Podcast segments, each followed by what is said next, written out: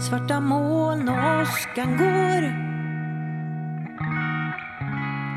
Det hänger tårar i luften Det hänger tårar i luften Hej och välkommen till Psykbryt, en podcast där vi delar med oss av våra erfarenheter av och tankar om psykisk ohälsa. Jag heter Mattias Ljung. Och jag heter Sandra Vilpala. Tack för att du la in en prilla här nu precis innan vi ska dela mikrofon. Ja, men du gillar ju den där snuslukten. Ja, så jag tänkte allt för dig, min kära vän och uh, bror. Ja, oh. ja men, eh, men vi är inte vi är inte själva, utan vi har en gäst. Vi har Marion här. Hej Marion! Hej Sandra Hej. och Mattias. Ja, nu sitter jag här med... Jag ser dig knappt bakom den här himla puffskyddet. Nej men, du... Du är ju en trogen psykbrytlyssnare. Ja, det är jag. Det är roligt. Jag tror jag har lyssnat på alla, minst en gång. Ja, fint. Och, och jag... tipsat andra och sa, lyssna oh. på det där. Åh, det Särskilt är de fint. som jobbar med samma sak som jag. Mm. Och du har ju också skickat så fina heja-mail till mig. Jag blir jätteglad över det.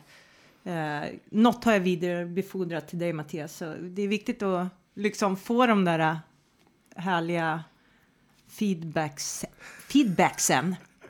Ja. Precis, så vi, slipper, så vi slipper rulla upp i fosterställning och undra vad vi håller på med. Är det någon som lyssnar? Är det någon ja. som hör oss? Ja. Nej, men du är ju här idag för att du jobbar som coach och det här är ju jättespännande. Mm, Berätta, vad, vad för slags coach och vad, vad gör du? vad gör du egentligen? Ja, eh, jag jobbar med fokus på jurister, för det är min egen bakgrund. Så det jag, de ämnen som jag jobbar med de är väldigt yrkesrelaterade och det kan handla om allt möjligt. Prata inför folk, eh, ragga nya kunder, hantera människor som är lite besvärliga kanske, hantera projekt som är svåra. Men en viktig grundbult i coaching är alltid att du ser hela människan. Mm. Och där kommer vi ju in ibland, jag och mina klienter, på, på ganska djupa ämnen. Vem är jag? Vem vill jag vara i det här yrket i livet? Um, dyger det jag gör? Jag har dålig självkänsla. Så... Och jag känner genast att ge mig en coach.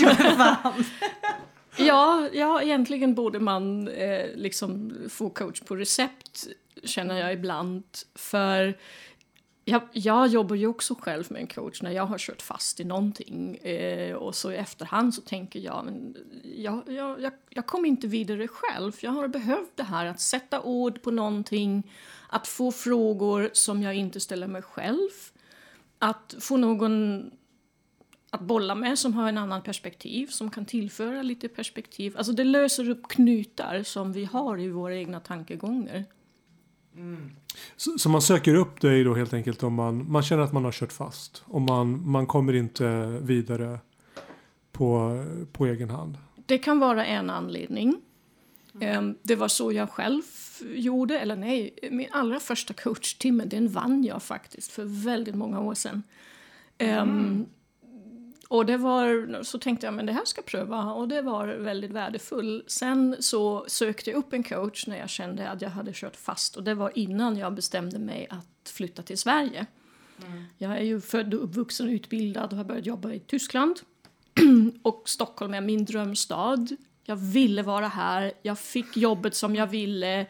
Eh, allt gick på räls och sen efter några dagar så, så kröp jag ihop i fosterställning i sängen och tänkte ah, nej, jag kommer inte få några vänner, det kommer gå åt skogen. Och jag, jag, det blev för överväldigande? Liksom. Ja, jag förstod inte mig själv och, och, tänkte vad är det som händer här? Jag borde bli sprudlande glad och det var jag också i typ ett dygn. Sen kom baksmällan. Sen kom baksmällan, så jag, jag ville förstå vad händer här i mig och så fick jag hjälp att reda ut det. Eh, så det kan vara en, en anledning varför man kommer till mig. Man har kört fast. Mm. Eh, många som, som jag coachar har gått en utbildning hos mig. Och, okay. då, och då blir coaching liksom ett stöd för att tillämpa det man har lärt sig både på den utbildningen. För det är ju svårt att mm. plötsligt ändra sitt sätt att jobba, det vet vi ju alla. att ändra beteende och vanor, det är väldigt svårt. Och då kommer coaching in som ett stöd. Men även i de sammanhangen så kommer vi ofta in i de stora frågor. Självförtroende och så vidare. Men då tänker jag att det, det du börjar med är att göra någon slags kartläggning. Det kommer en ny person här som behöver se och så. Eh, Ja, som kanske tror att den behöver hjälp med något specifikt men egentligen kanske något annat. Eh, Sådär. Men då måste ju du få en uppfattning Mm. såklart. Eh, Och hur, hur går det till? Ja, det går till så att jag ställer en massa frågor.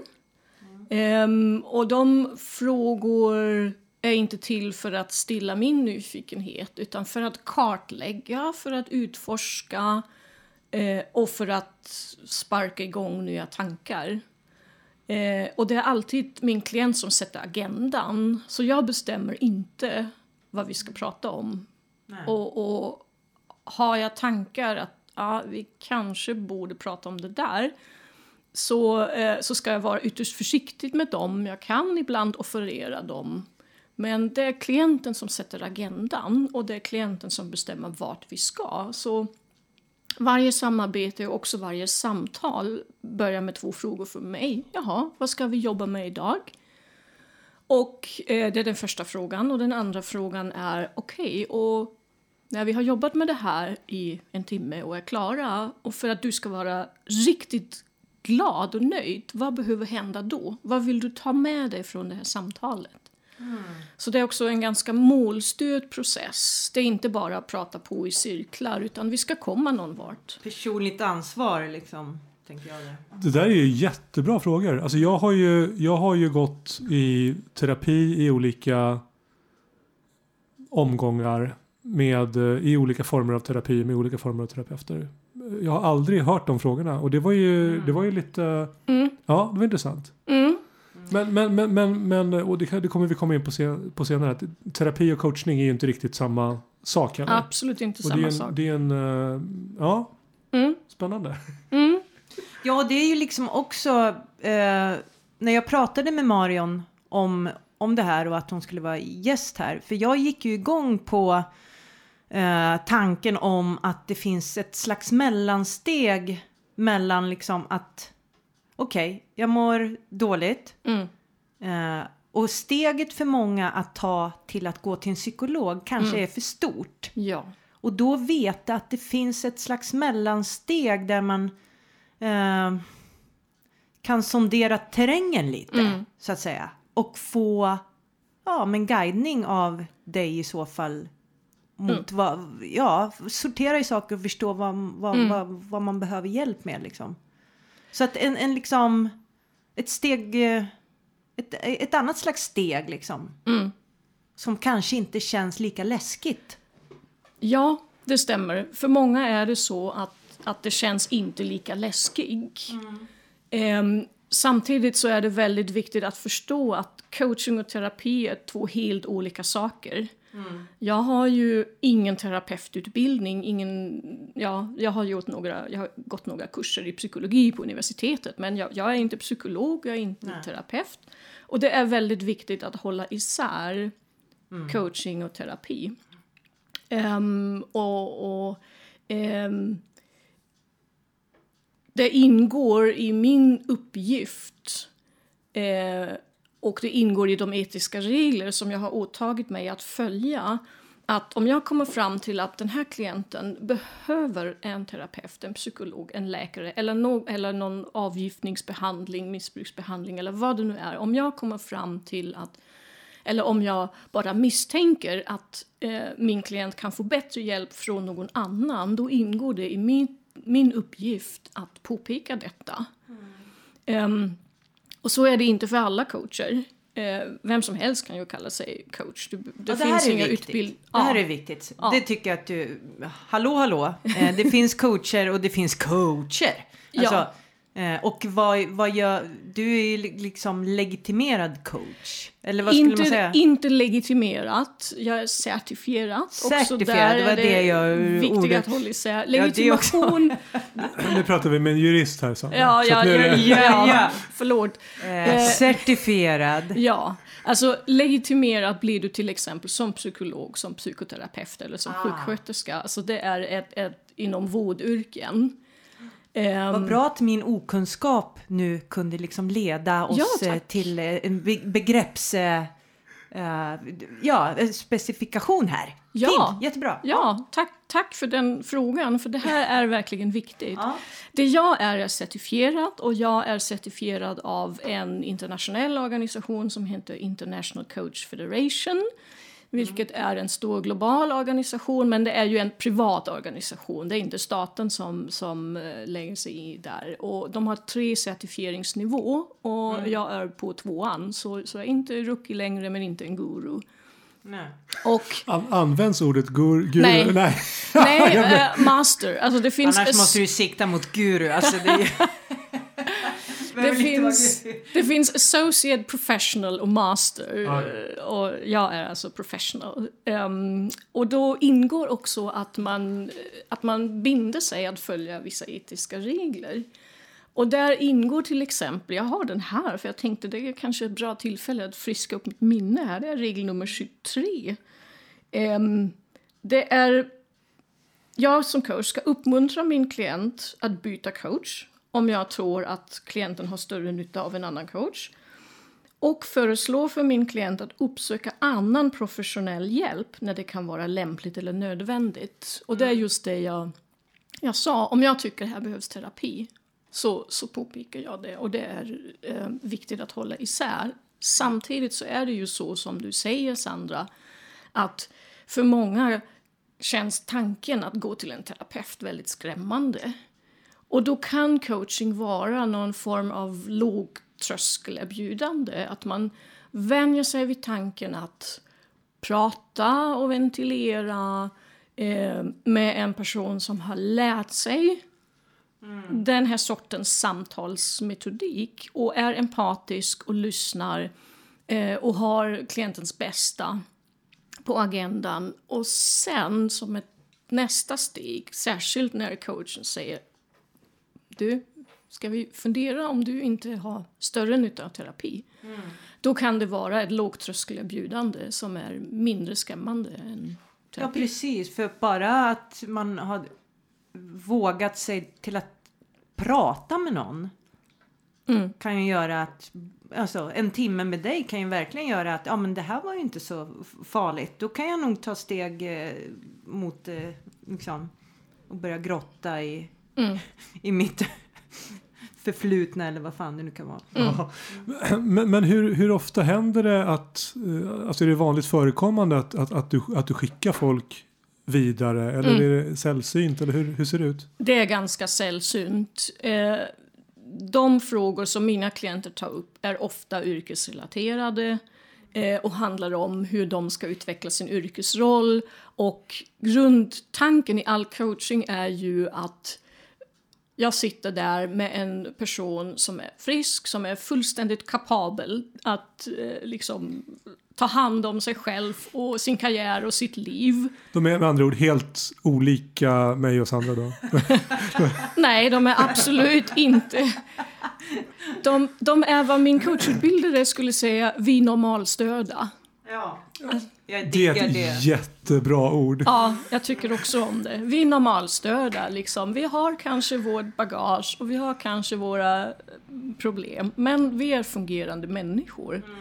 Och, och coaching eh, utgår från grundtanken att människor är kapabla. Ehm, och så mot, mot denna bakgrund så händer det väldigt sällan att det har hänt två gånger eh, och jag har hållit på när, nu i fem år. Det har hänt två gånger att jag har haft misstankar att en klient har en depression. Eh, och då blev jag väldigt glad över den här självskattningstestet som också som har ju utvecklats på bland annat Karolinska här i Sverige och som används också i sjukvården Eh, och som går att hitta på nätet. Vi Jag- pratar om Madras, eh, Exakt. skattning. Madras. Ja, Montcom- som jag har gjort ett gäng gånger Ja. i mina dagar. Ja. Har Jag du har gjort det Mattias? Svar ja. Ja. Ja, för mig också. Jag har haft en, eh, jag skulle säga mellanstor utmattningsdepression och där har jag såklart också fått fylla i den. Eh, och det är ju en, en självskattning där man får ett antal frågor som checkar av sådär lite allmän sinnesstämning och, och om du fortfarande har glädje av de saker som brukar ge dig glädje och hur är det med, vad var det, oroskänslor, sömn och mat och jag har den här, en massa frågor. Eh, och sen så slutade det med the biggie, liksom eh, livslust och eventuella Ja. suicidtankar. Och kommer man upp över 40 då behöver man nog läggas in ganska omgående. Kommer man upp över 18, där liksom den lägre tröskeln, då ska man, alltså poäng, då ska man ju fundera på att söka behandling. Och i de två fallen eh, så har jag hittat den här madrasstesten på nätet också på engelska, vilket var väldigt bra för en av de två klienter han jobbade i, i ett land i Östeuropa. Em, och vi pratade bara engelska, så har jag skickat iväg det här testet och sa du, jag tror det finns anledning att undersöka det här närmare och, och det skulle vara mitt önskemål att du gör det här testet och om du kommer upp över 18 så, så är det mitt önskemål att du uppsöker en läkare. Och båda två gjorde det, vilket gjorde mig väldigt glad. Det här är ett jättebra verktyg och det är ju superbra tips att man faktiskt kan gå in och göra det själv. Mm. För det är ju som sagt en skattning Mm. på och det indikerar ju då att ja men du kanske, Mm. du kanske är deprimerad och det där är ju så svårt att se själv. Alltså Mm. och känna, alltså man, är man deprimerad så i alla fall jag har ju inte sett det liksom. Jag visste inte att, att, att de här testen var tillgängliga för, för Nej, allmänheten. Jag har ju Ja. bara fått dem av, av terapeuter. Ja, alltså, Eh, men det, det kanske man ska ja. bör- börja måndag morgon med. ja. Börja veckan med ett litet eh, skatt... Hur deprimerad är jag egentligen? ja. Nej men fan det är skitbra. Eh, Mm. för, som sagt det, det kan vara svårt att eh, se det. Mm. Om man får det sådär konkret och får en ganska hög siffra. Ja men Mm. oj då, då kanske det är något man ska kolla upp. Ja. Eller då är det något man ska Ja. kolla upp. Den finns på netdoktor.se bland annat. Eh, och så finns det också en, eh, någonting som heter F-banken som är alltså en formulärsamling som har sammanställts av en professor vid Stockholms universitet som heter Per Karlbring. Så de finns på nätet och i vanliga fall så tänker jag man ska kanske vara lite försiktig med egendiagnoser. Och, eh, jag, jag hör hela Sveriges lä läkarkår nicka. Eh, men just det här testet tycker jag är bra att göra själv. För det är ju fortfarande så tabubelagt och, och skambelagt att, att få en depression. Så därför så tycker jag att det här testet är bra att göra själv. Och sen försöker om det går ta sig själv i kragen om man kommer upp över 18 och söka hjälp. Ja och eh, jag tror också eh, att just diagnosen depression tycker jag har fan det ska vi ta på stort allvar liksom Mm. för att det är folk eh, begår självmord i depressioner liksom så Mm. att det är ju det här är allvarliga saker så och då är det ju ja toppen att att det finns det här just att det är en indikation på Mm. något vidare liksom. Ja, jag hörde på vägen hit idag att den vanligaste dödsorsaken för män under 35 års Mm. ålder är självmord. Ja. Vilket ju är helt, det är inte liksom trafikolyckor eller cancer. Eller, utan det, shit. Så Mm. det är ju, Men Marion, jag tänker. Du jobbar ju främst mot liksom yrkes... Eh, eh, vad ska man säga? Yrke, alltså folk som behöver hjälp i sitt arbete och jurister då. Oftast, ja. Ja, oftast. Men du tar även andra klienter. Jag har några andra också som jobbar inom akademin eller ja, några andra yrken. Men mitt, min starkaste, min största målgrupp är jurister för jag, jag, jag pratar ju juristska på olika språk och förstå i vilken Juridiska värld... kan inte jag. Jag förstår i vilken värld de rör sig och hur de tänker och så. Och det där är väldigt intressant för den rena coachingläran så att säga, om, om det nu finns en sådan. Men egentligen så behöver du som coach inte veta ett smack om vad din klient jobbar med. Du behöver inte ha ämneskunskap utan du behöver ha kunskap i en samtalsmetod och hur man hjälper andra tänka. Och enligt den rena läran så, så kan den egna ämneskunskapen ibland nästan komma i vägen. För min uppgift som coach är ju att lyssna och framförallt lägga bort mina egna lösningar. För om jag kommer med mina lösningar, det är lite som om du Sandra skulle säga ah, jag har börjat se lite dåligt och så sliter jag mina glasögon från min näsa och säger testa dem, det funkar jättebra. Ja. Och då säger du nej, alltså, jag vet inte. Ja, de Jag ser faktiskt ännu sämre i de här. Ja, exakt. Så, så eh, det, det, den egna kunskapen, den ska man vara väldigt sparsam med som coach. Utan man ska fokusera på att ställa frågor, utforska och hjälpa andra tänka. Ehm, men å andra sidan så har jag ju hört numera så många gånger från mina klienter ah, det är så bra att du också är jurist och har varit advokat och du vet var jag kommer ifrån och så. Så jag tror för klienter blir det en större trygghet. Jag tror att kommunikationen om inte annat underlättar. Jag tänker det finns ju, det finns ju sådana här idrottspsykologer också. Mm. Alltså som hjälper, som hjälper personer som behöver prestera på ja, idrottsplanen under mycket press. Mm. Eh, och går man till en person som har expertisen om det specifika området så blir kommunikationen väldigt mycket enklare. Man behöver liksom inte översätta. Ja. Om du ska ta hand om en höjdhoppare så, så kanske det kommer finnas en viss Ja, det, det, det, det blir inte lika lätt att, Mm. att förstå varandra eller veta att man pratar om samma sak. Men här, här har man ju samma man har samma bakgrund, man har samma erfarenheter, man har, har samma språk. Så det är ju jätte... Mm. Och jag tänker man Spännande. har definitionerna klara för sig. Vad, vad, ja, det finns ju så mycket mångtydighet i många begrepp och ord och så här. Men Mm. där, ja, kommunikationen blir ju Mm. tydligare I guess. Mm. Men finns det andra, liksom, vi har ju pratat om att det finns massa coacher liksom. Eh, och att det finns rätt många eh, som, eh, som använder det, den titeln men som Mm. kanske, du är ju certifierad. Mm. Var hittar man de här certifierade coacherna? Ehm, ICF är en global organisation som också har ett så kallat chapter här i Sverige, alltså en, en underorganisation. Ehm, och de finns på nätet, jag tror det är icfsverige.se om jag inte missminner mig. Och där kan man söka efter coacher som är ICF-certifierade och då vet man att deras utbildning är certifierat. Eh, några av oss, jag bland annat och många andra, är också certifierade som person.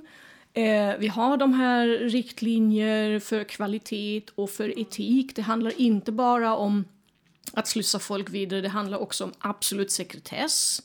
Det handlar om att undvika intressekonflikter och en massa andra saker. Man, man ska eh, i största allmänhet hålla hög professionell standard. Så det kan man göra för att eh, hitta en, en certifierad coach. Sen så spelar ju det som man ibland lite slarvigt kallar för personkemi en stor roll. Så du ska ju vilja jobba med en person. Och det enda sättet att komma fram till det är att träffas och prata och sen se, okej, vill, vill vi jobba vidare tillsammans? För det är ju någonting som ingen utbildning kan ge egentligen. Alltså jag, eh, som jag sa, jag har ju eh, gått i alla möjliga former av, av terapi. Och den sista formen, eller om det var den näst sista, heter psykosyntes. Mm, Eh, och när jag, när jag pratade med en, en väninna som, som utbildar sig till psykolog så rynkade hon lite på näsan. Och, ja, ja, men Mm. ja, det där skulle jag vara lite, Ja. lite försiktig. Och, och, och när, jag, när jag gick i den terapin så var, och det var jag ju öppen med med, med terapeuten, så Mm. var det ju vissa saker som han sa där jag kände så att "Nej, men det här köper inte jag. Mm.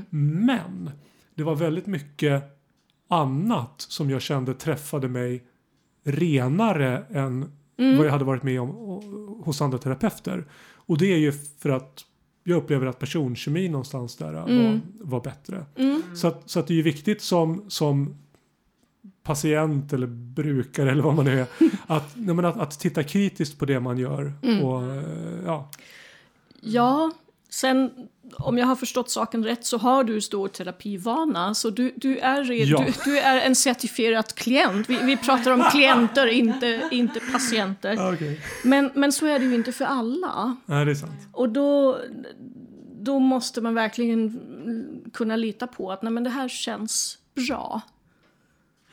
Och det där tycker jag är svårt, alltså att navigera i det där. Jag har ju... eh, jag gjorde ju slut med en terapeut via brev. Mm. Eh, och det var ju så himla bra för Jag, jag tycker vi ska träffa andra. Ja. jag vill ha ett öppet förhållande. Eh, jag vill ligga runt. Nej, men På, på divaner. På, på, på andras terapisoffor. på andra soffor. Jag vill att andra ska pilla i min hjärna. Nej, men, eh, men alltså, jag, det är ju viktigt att veta att det är du som väljer. Alltså det måste kännas rätt för dig. Bara för att du har hamnat hos någon, kanske säg att det är via vårdcentralen och att man har hamnat hos eh, eh, en eh, kurator där. Det är Ja. inte så att man om det känns helt fel med den här personen så, så kan man ju säga det. Och, och så kan man ordna någon annan liksom. Ja. Så, Och jag menar det är ju verkligen en matchningsfråga. Alltså det, Mm. du och jag har ju säkert inte samma smak i vad det gäller terapeuter. Ja. Ja, alltså det som funkar för mig kanske inte funkar Ja. för dig och tvärtom. Så Ja, att det, är ingen, det är ju ingenting som säger att, att eh, ja, Ja. te- terapeuten i sig att det är där problemet ligger utan det är en matchning helt enkelt. Och där tänker jag, en, av de stora tjusningar med, med coaching för mig och, och en, en anledning varför det är så kraftfullt är att i coachingen så ligger ansvaret hos klienten. Vad ska vi prata om? Vad ska vi jobba med? Vart vill du? Och varje gång eh, mina klienter försöker liksom lura mig eller få mig att "Ah, kan, du inte ge lite tips? Så, då lägger jag ansvaret tillbaka på dem. Okej, men ja, jag kan kanske ge dig lite tips, men får jag ställa lite frågor innan? Eh, och för att jag ska kunna ge dig tips så får vi först prata om vart vill du med de här tipsen. Så eh, coaching är ett absolut jämställt förhållande. Man pratar på samma ögonhöjd. Eh, och det är en viktig skillnad mot andra former av samtal. Du kan ju skaffa en mentor också just när det gäller yrkesrelaterade frågor. Men ofta så blir det ju en ganska stor åldersskillnad. Ehm, och, och ofta så ligger bakom idén med mentorskap att du ska ta del av någon annans erfarenhet. just det. Och jobbar du med en terapeut så finns det ju också eh, eh, en viss hierarki. Där har du liksom psykproffset så att säga. Ja, och du är den inom citationstecken sjuke också. Ja. Alltså, så att där är man ju i någon slags underläge redan från början. Då. Ja, man, man kan hamna i det. Medan coaching är strikt på samma ögonhöjd och där klienter har mycket ansvar. Ehm, vilket gör det så kraftfullt, för då, då blir man ju tvungen att tänka. Och det kommer inifrån vilket gör att idéerna är ju liksom befästa redan från Exakt. början. Då. Exakt. Gud, jag behöver en, jag behöver en idrottspsykolog. känner jag nu. En, Jag behöver alla slags psykologer och coacher och i varje del av mitt... Ja. Jag behöver hjälp med att tänka, verkligen. Det där, alltså sortera och så här. Mm. Nu, nu kan jag ju vara min egen coach ibland och ju även Ja. Mattias ibland också. Ja. Och så där. Ja. Eh, Men eh, visst, men jag tänker eh, ett stort liksom modernt tänk vi har, det är ju de här quick fix grejerna. Mm. Liksom, att, ja, men som du säger att dina klienter ibland så här, försöker lura dig genom att så här, ge mig en färdig, Ja, liksom, exakt. färdigpaketerad tanke och lösning. Liksom. ja. Men, men eh, det, det- är ju kortsiktigt bara. Ja. Vi måste ju, det ska ju handla om långsiktiga, vad som Ja. är hållbart liksom. och det som ligger bakom den här önskan efter att få tips är ju dels quick fix, liksom. Eh, och dels så är det ju också ett flyktbeteende från obehaget. För Ja. coaching är inte behaglig. Alltså jag, när jag går utbildningar eh, eller workshoppar så blir det ju ofta så att vi coachar varandra. Så man måste liksom ta med en så kallad coachable issues, som vi kallar det. Eh, och, och då tänker jag ju, "Åh, ska jag nu liksom sitta och lufta det här med en mig. helt främmande människa och åh vad jobbigt det kommer att vara, så får man en massa frågor. Det är inte en behaglig upplevelse alltid. Ibland är det det. Ibland så är det viktigt för min klient att, att jag boostar dem, att jag boostar deras självförtroende. Och det är ju såklart behagligt. Men ibland när vi gräver och grottar så är det ju väldigt obehagligt. Och coaching har, eh, har liknats vid en invärtes massage, vilket jag tycker är en Ja, det är bra jättebra. bild. För Jag, sa- jag satt och tänkte att det var som att gå hos tandhygienisten fast jag föredrar nog den här massagebilden. Ja. alltså det, det är inte alls njutbart men man, Ja. man mår bra av det efteråt. Exakt. Liksom. Det leder För- till någonting. För när du ligger där på massagebritsen och din massör har hittat den här ömma punkten mellan skulderbladen, då vill du ju bara skrika nej, nej, rör inte det där, bort, bort.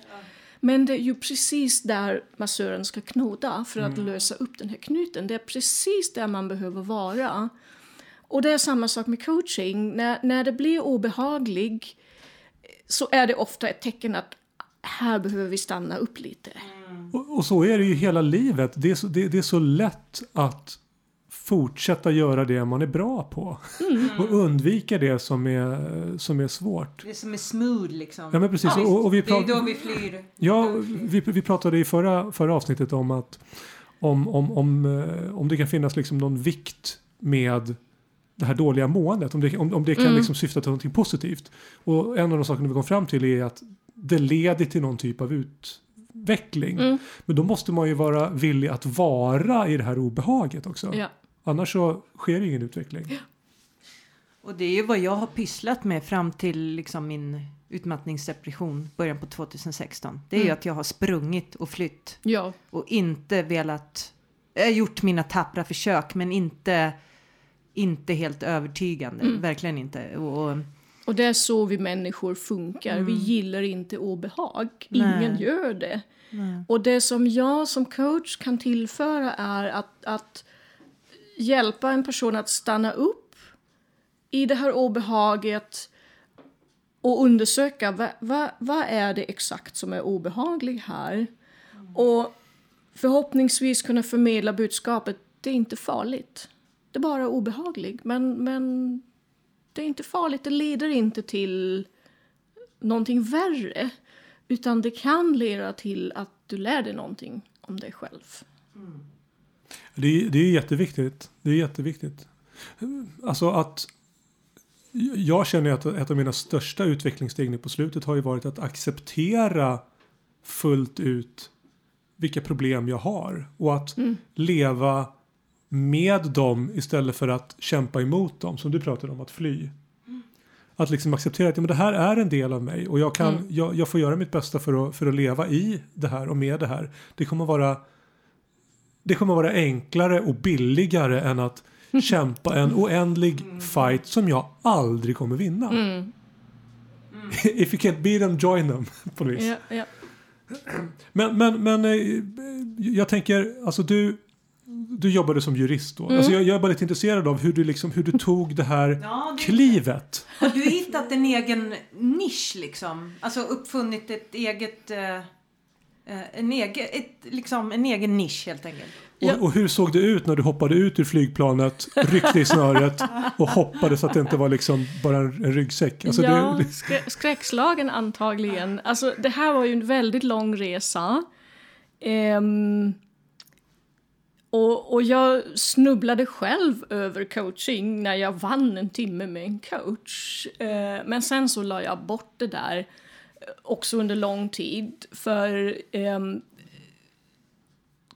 coaching har i vissa kretsar fortfarande en liten konstig klang. Här i Sverige tror jag det är ganska så accepterat och mm. det har blivit vanligt bland företagsledare att, att ha en coach. Liksom. Det, det, det, ingår i, i rollen, särskilt när man ska kliva upp och ta ett större ansvar eller, eller flytta till ett annat land eller vad vet jag.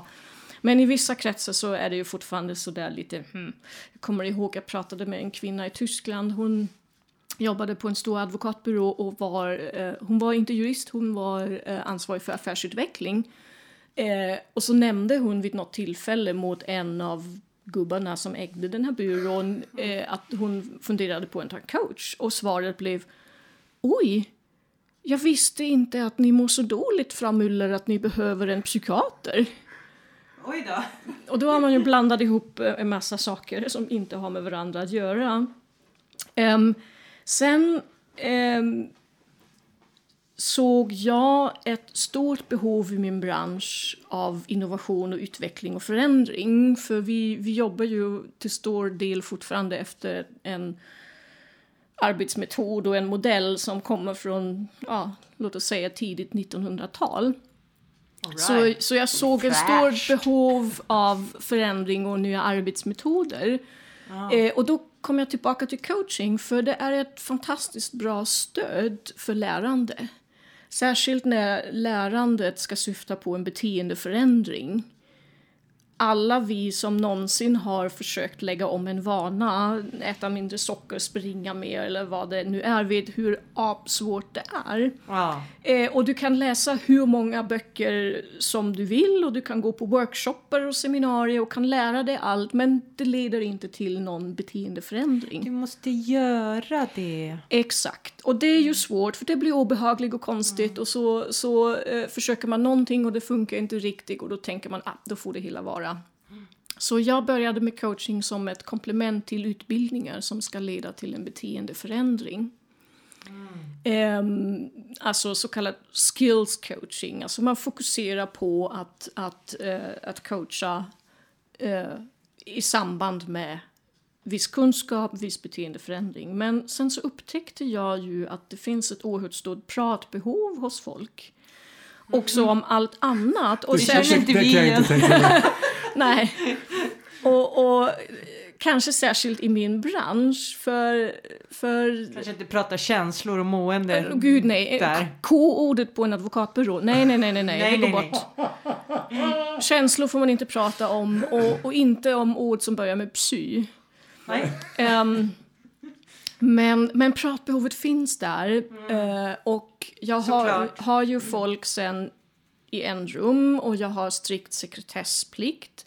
Eh, jag coachar också nästan uteslutande i telefon för mina klienter är liksom på alla möjliga ställen. Mm. Eh, och jag tror att det underlättar att man inte ser den människan som man pratar med. Det är lite det här talking to a stranger-fenomenet som gör det lättare för många som har svårt att öppna upp sig att öppna upp sig. Mm.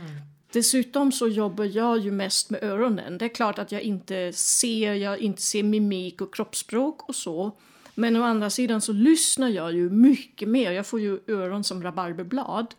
Och... Ehm... Du har så fina... mm? Fina bilder. Rabarber. fina öron. Ja. Um, fina öron. Och, och det har ju framkommit i forskning att vi, vi har väldigt svårt att kontrollera vår röst. Alltså det är mycket lättare att dölja känslor i din mimik genom att mm. ha någon slags pokerface. Men det är extremt svårt att ha en pokerröst.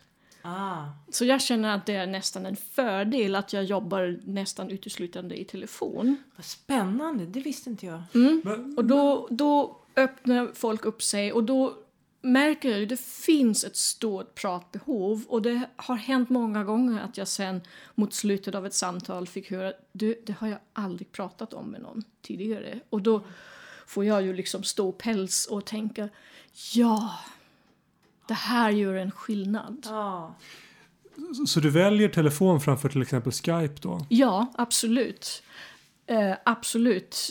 Varje dag i veckan. För eh, Skype-tekniken är fortfarande lite för opålitlig tycker jag.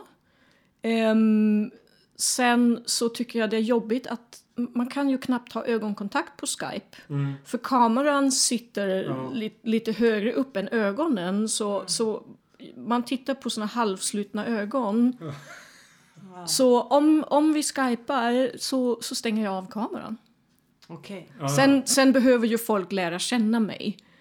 Och de som har gått en utbildning har jag träffat mig och annars så, så börjar vi oftast med ett fysiskt möte där vi Ja. ses i ett och samma rum och sen fortsätter vi i telefon. Ja, ja, att det, det initiala är Ja, ändå att ni ja möts. Mm. de, de får se mig. Men jag tänker, det, det makes sense to me. Yes. Alltså det sägs ju att om man, om man blockar ett sinne så förstärks ju de andra liksom. Mm. Så att det verkar ju Mm.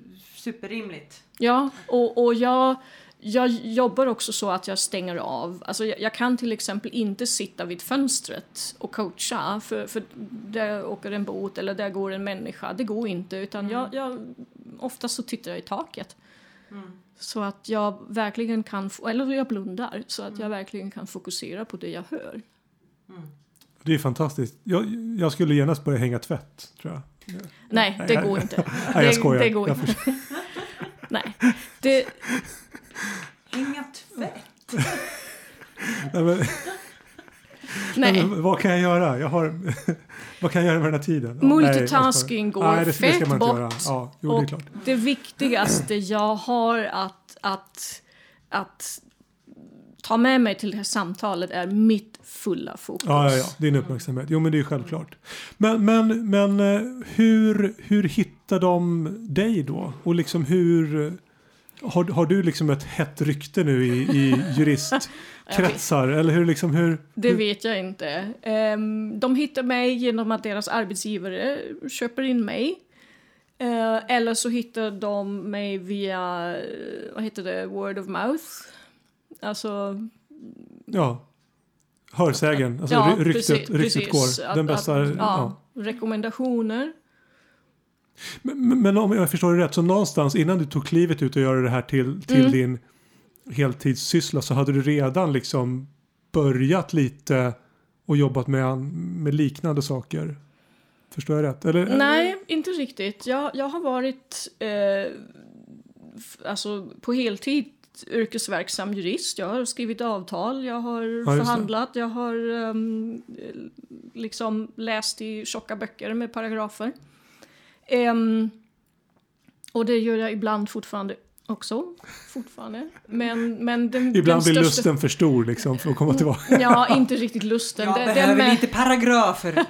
det är med det här, ah, nu ska vi se om de här musklerna fortfarande funkar. Och det gör de. Men, men idag är den absolut största delen av det jag gör är just utbildning och coaching. Och ehm, det känns som om jag kan använda hela mig på ett annat sätt. Jag har ju eh, kvar den här starka analysförmågan eh, som man har som jurist och, och förmågan liksom att få lite struktur i ostrukturerade saker.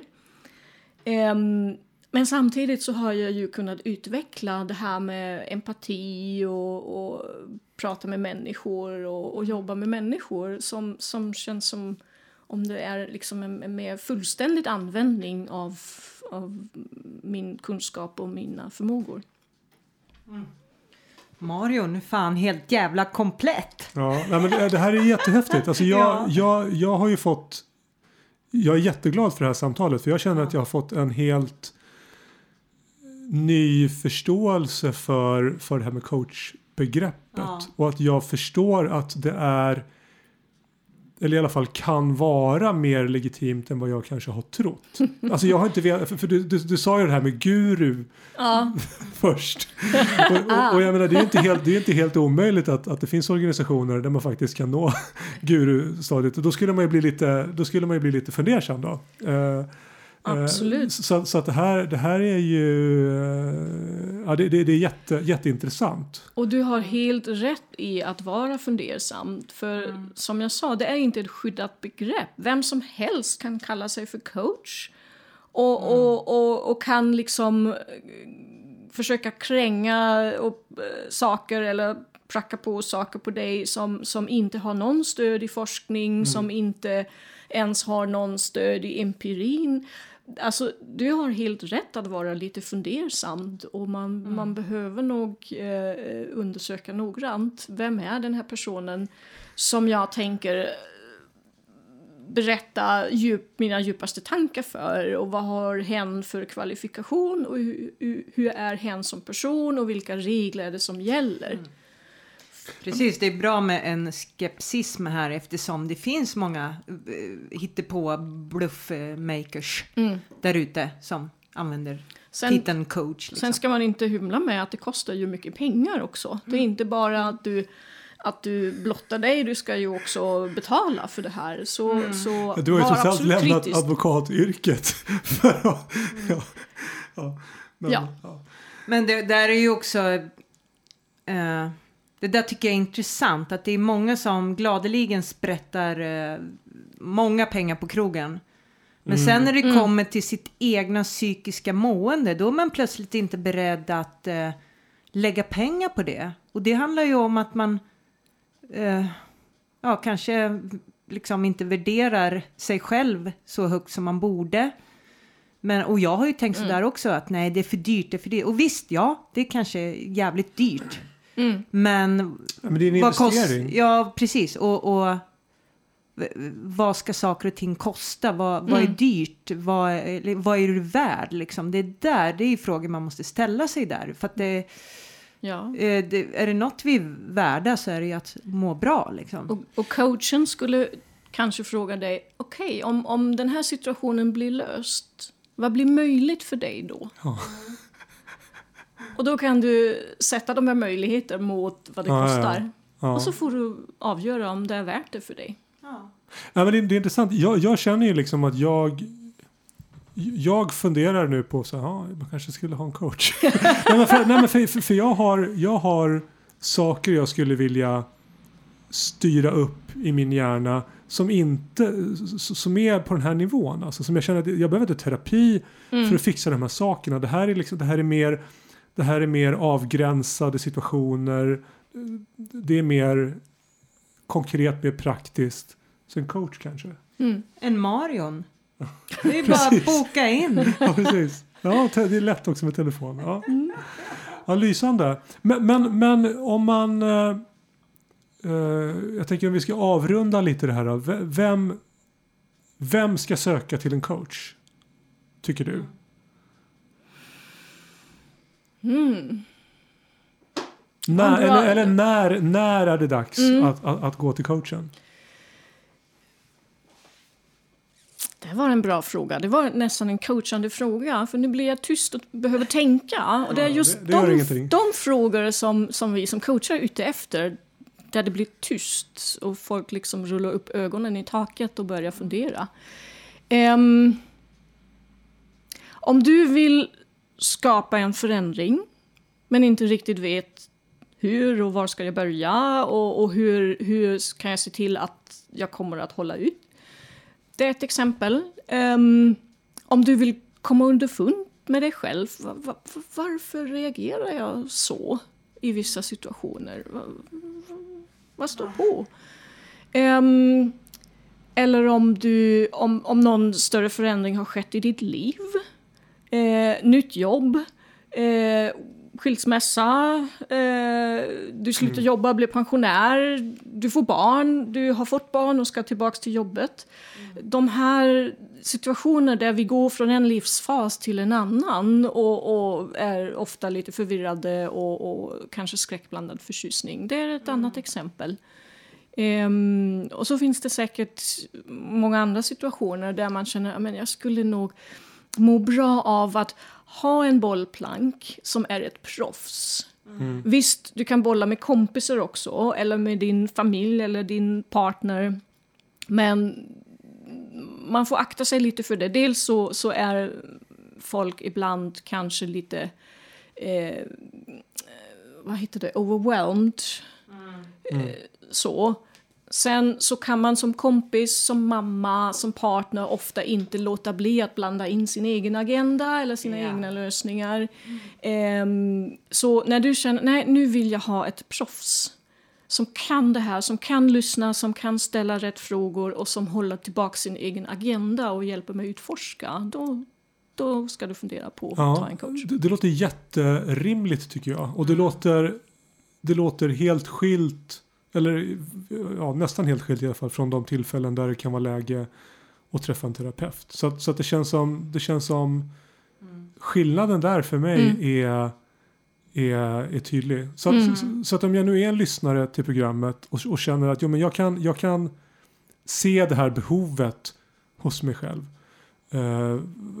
Vad är, är bästa sättet att gå till den här adressen som, som du nämnde då för att hitta coacher? Kan det Ja, jag skulle, jag skulle rekommendera det. Det, det gör jag men- när folk frågar mig. icfsverige.se tror jag Okej, är ja. adressen. För, Ska för, vi skriva ner, vi skriver det också, Ja. en länk där. I, I show notesen. Ja. Ja. Det, det är intressant det du säger Mattias, att det här är liksom någonting annat än terapi. Eh, ja, absolut. Eh, min, min coachutbildare sa någon gång en, en coach åker segelbåt, en terapeut åker ubåt. Ehm, det är kanske inte hela sanningen, men, men det ger lite en bild. Coaching är framåt, framtids, syftar på framtiden, syftar på lösningar. Medan terapi kan göra det. Mm. Eh, men kan också vara att reda upp det som har varit. Jag tänkte lite Och- tid, ja förlåt. Man kan... Om man kan göra både och, då det tvistar de lärda om. Ehm, jag, jag tror man kan jobba med en terapeut och en coach samtidigt. Under förutsättningen att det är liksom två skilda saker, två, alltså liksom skilda ämnen. Man kan ju vilja undersöka ens barndom och samtidigt eh, Jobba på sin golfsving. Ja, eller, eller ta nästa steg i karriären. Så man kan göra det samtidigt om alla berörda är med på det. Alltså om, om jag skulle ha en klient, en coachklient som berättar för mig att hen går i terapi samtidigt så skulle jag be den klienten att du kan du stämma av med din terapeut också, att det är okej att vi gör så.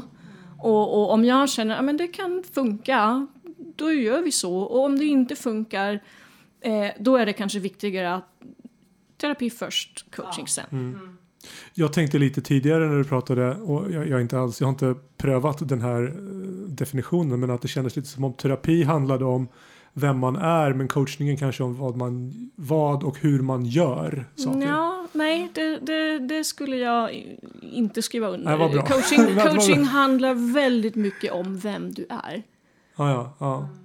Ja, du pratar ju om att bryta vanor, alltså tankemönster och sånt där. ja jo, det är sant. Det är sant. Så, så Ja. att det, det är ju inne på, Ja. Mm. på. Och, Ja, och ju vem är du eller vem vill du vara är en av de mest kraftfulla frågor inom coaching. För, för det du gör, det ska ju komma från den du är eller den du vill vara. För annars är det ju bara någonting som är liksom på ytan. Mm. Så nej, båda varianter av samtal handlar om vem är du Mm. och vad gör du som en konsekvens av detta. Ja, det här är ju fantastiskt. Jag, jag är jätteglad att vi, att vi hade det här samtalet med dig. Och jag har, jag har, jag har lärt mig mycket. Jag har fått en, en ny syn på vad en coach är. Och som sagt, är lite sugen på att ta kontakt. med Marion kanske har en eh, ny klient eh, Ja, här i precis. Mattias, vem vet? Eller någon annan eh, Ja. lycklig coach. Det finns, och det finns, säkert, det finns säkert mycket att hämta här från, för de som lyssnar också. Mm. Tänker jag. Ja. Jag visste att det här skulle bli jättebra. Eh, nej men jag, jag typ, eftersom jag vet att saker blir bra som, som jag går igång på. Nej men då, det, det är ju liksom intressant. Eh, och bli liksom varse om olika alternativ. Mm. Att eh, det finns en massa alternativ. Och Mm. det viktiga här är att söka till certifierade coacher. Eh, och vi lägger upp en länk var man hittar dem. Då får vi tacka Marion Härligt. så Tusen tack. Tack mycket. själv, det här var kul. Ja, Ja, det var jätte, jätteroligt. tycker vi också. Fint. Ja, så ta hand om er där ute. Så, Ja. så hörs vi snart igen. Jag tror att jag ska bli en coach. Ja, kanske det.